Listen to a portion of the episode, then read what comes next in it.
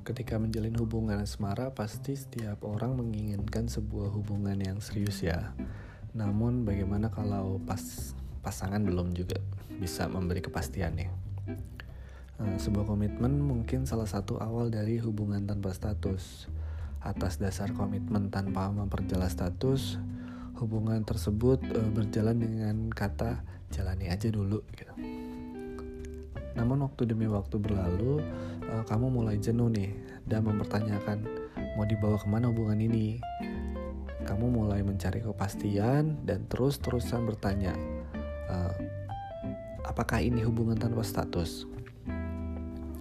Ketika dua orang menjalin hubungan asmara secara serius, jenjang yang lebih tinggi untuk dicapai bersama adalah uh, ya pernikahan seperti itu wanita yang telah menjalin hubungan lama dengan kekasihnya secara nggak langsung biasanya uh, membangun harapan mengenai keluarga di masa depan. Meski nggak berlangsung nggak uh, tak nggak langsung uh, terungkap seperti itu, namun pernikahan merupakan tujuan akhir dari kebanyakan wanita yang menjalin asmara. Nah, uh, menjalin hubungan tanpa status pastinya kan gampang-gampang susah ya. Malah sebagian besar dari kita tuh merasa uh, kayak takut ketika kejelasan atau hubungan harus diungkapkan. Kalau kamu sedang ada dalam situasi ini, uh, kamu tidak salah untuk bertanya soal kejelasan hubungan kamu di masa depan seperti apa. Jadi untuk menghadapi situasi ini, uh, berikut uh, ada tips yang bisa kamu ikuti. Mungkin saya coba. Uh, jadi yang pertama yaitu temukan waktu yang tepat nih Mungkin kamu kan bertanya-tanya dalam hati, ke mana arah hubungan uh, kamu dengannya. Namun sebelum bertanya uh, kepadanya, kamu harus bisa menemukan waktu yang tepat. Ketahui bahwa uh, bertanya soal kejelasan hubungan tidak bisa dilakukan kapan aja. Jika momennya nggak tepat, kamu uh, pastinya akan merusak apa yang uh, udah uh, dijalani selama ini. Seperti itu.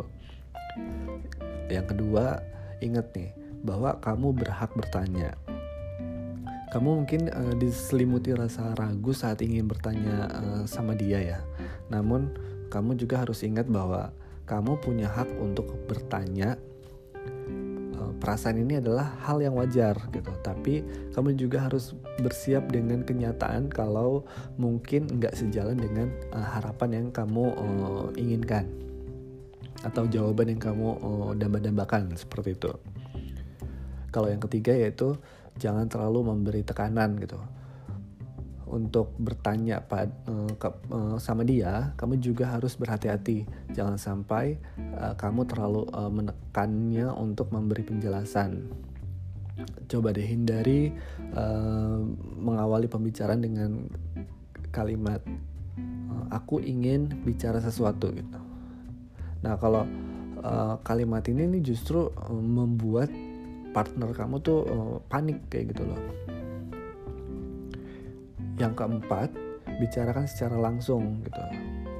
Untuk bicara kalau untuk bicarain topik yang cukup serius atau cukup sensitif, kamu tuh harus uh, menemuinya secara langsung.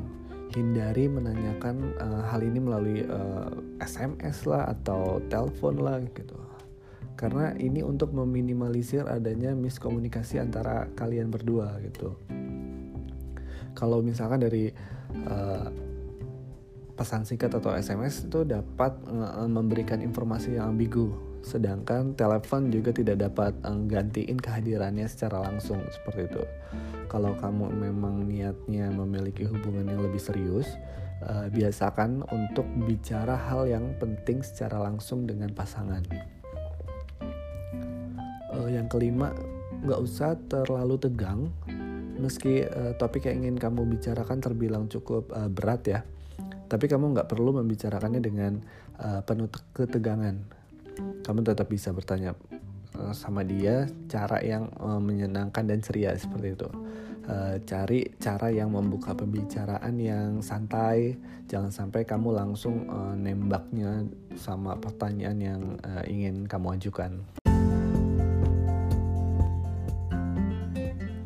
kalian yang ingin punya podcast sendiri, coba pakai aplikasi yang namanya Anchor.fm. Cara buatnya gampang banget dan pastinya gratis. Selain gampang digunain, semua yang dibutuhin untuk buat podcast udah ada di anchor.fm, termasuk untuk distribusi ke Spotify dan platform podcast lainnya. Nunggu apa lagi? Ayo download anchor.fm biar bisa punya podcast kayak gue.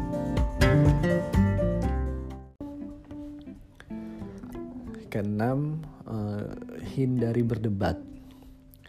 Uh, kalau uh, pembicaranya mulai uh, memanas nih, ada baiknya kamu coba tahan akan keinginan untuk uh, berdebat panjang lebar dengannya gitu.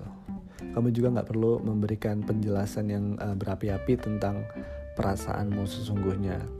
Cukup uh, kayak bilang aja selama ini kamu menikmati waktu bersama dia dan tanyakan apakah dia merasakan hal yang sama gitu. Kalau seperti dan uh, seperti apa nih pandangannya terhadap hubungan ini di masa depan? Seperti itu. Yang ketujuh uh, berikan dia waktu berpikir. Uh, kalau uh, ungkapan perasaanmu tidak langsung dibalas uh, oleh dia nggak apa-apa. Berikanlah dia waktu untuk berpikir dan memberimu jawaban. Uh, pertanyaanmu nggak harus dijawab saat itu juga. Jadi biarin aja dia tenang dan mikir jernih. Kemudian kamu bisa memberinya batas waktu nih sampai dia memiliki jawaban yang pasti. Kedelapan jangan berkecil hati. Kalau uh, ternyata dia memutuskan untuk eh, nggak uh, mau komitmen sama kamu jangan kamu uh, ya berkecil hati seperti itu ini mungkin uh, tandanya kamu harus move on dan mencari orang lain yang siap memiliki komitmen dengan kamu. Kondisi ini memang berat ya, tapi jangan sampai menyalahkan diri kamu sendiri seperti itu.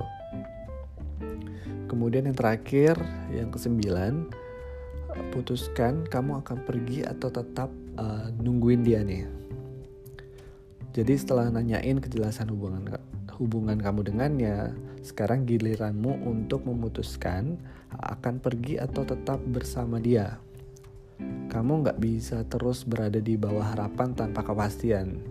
Kalau kamu memilih untuk uh, meninggalkannya, jadi terimalah bahwa pertemanan dan hubunganmu dengannya telah berakhir. Jadi pergi darinya juga bukan berarti kehidupanmu berakhir. Kamu hanya perlu waktu sendiri untuk berdamai dengan perasaanmu. Pesan saya adalah lebih baik kamu tahu sesegera mungkin daripada kamu uh, terjebak dalam hubungan tanpa status yang uh, berkepanjangan.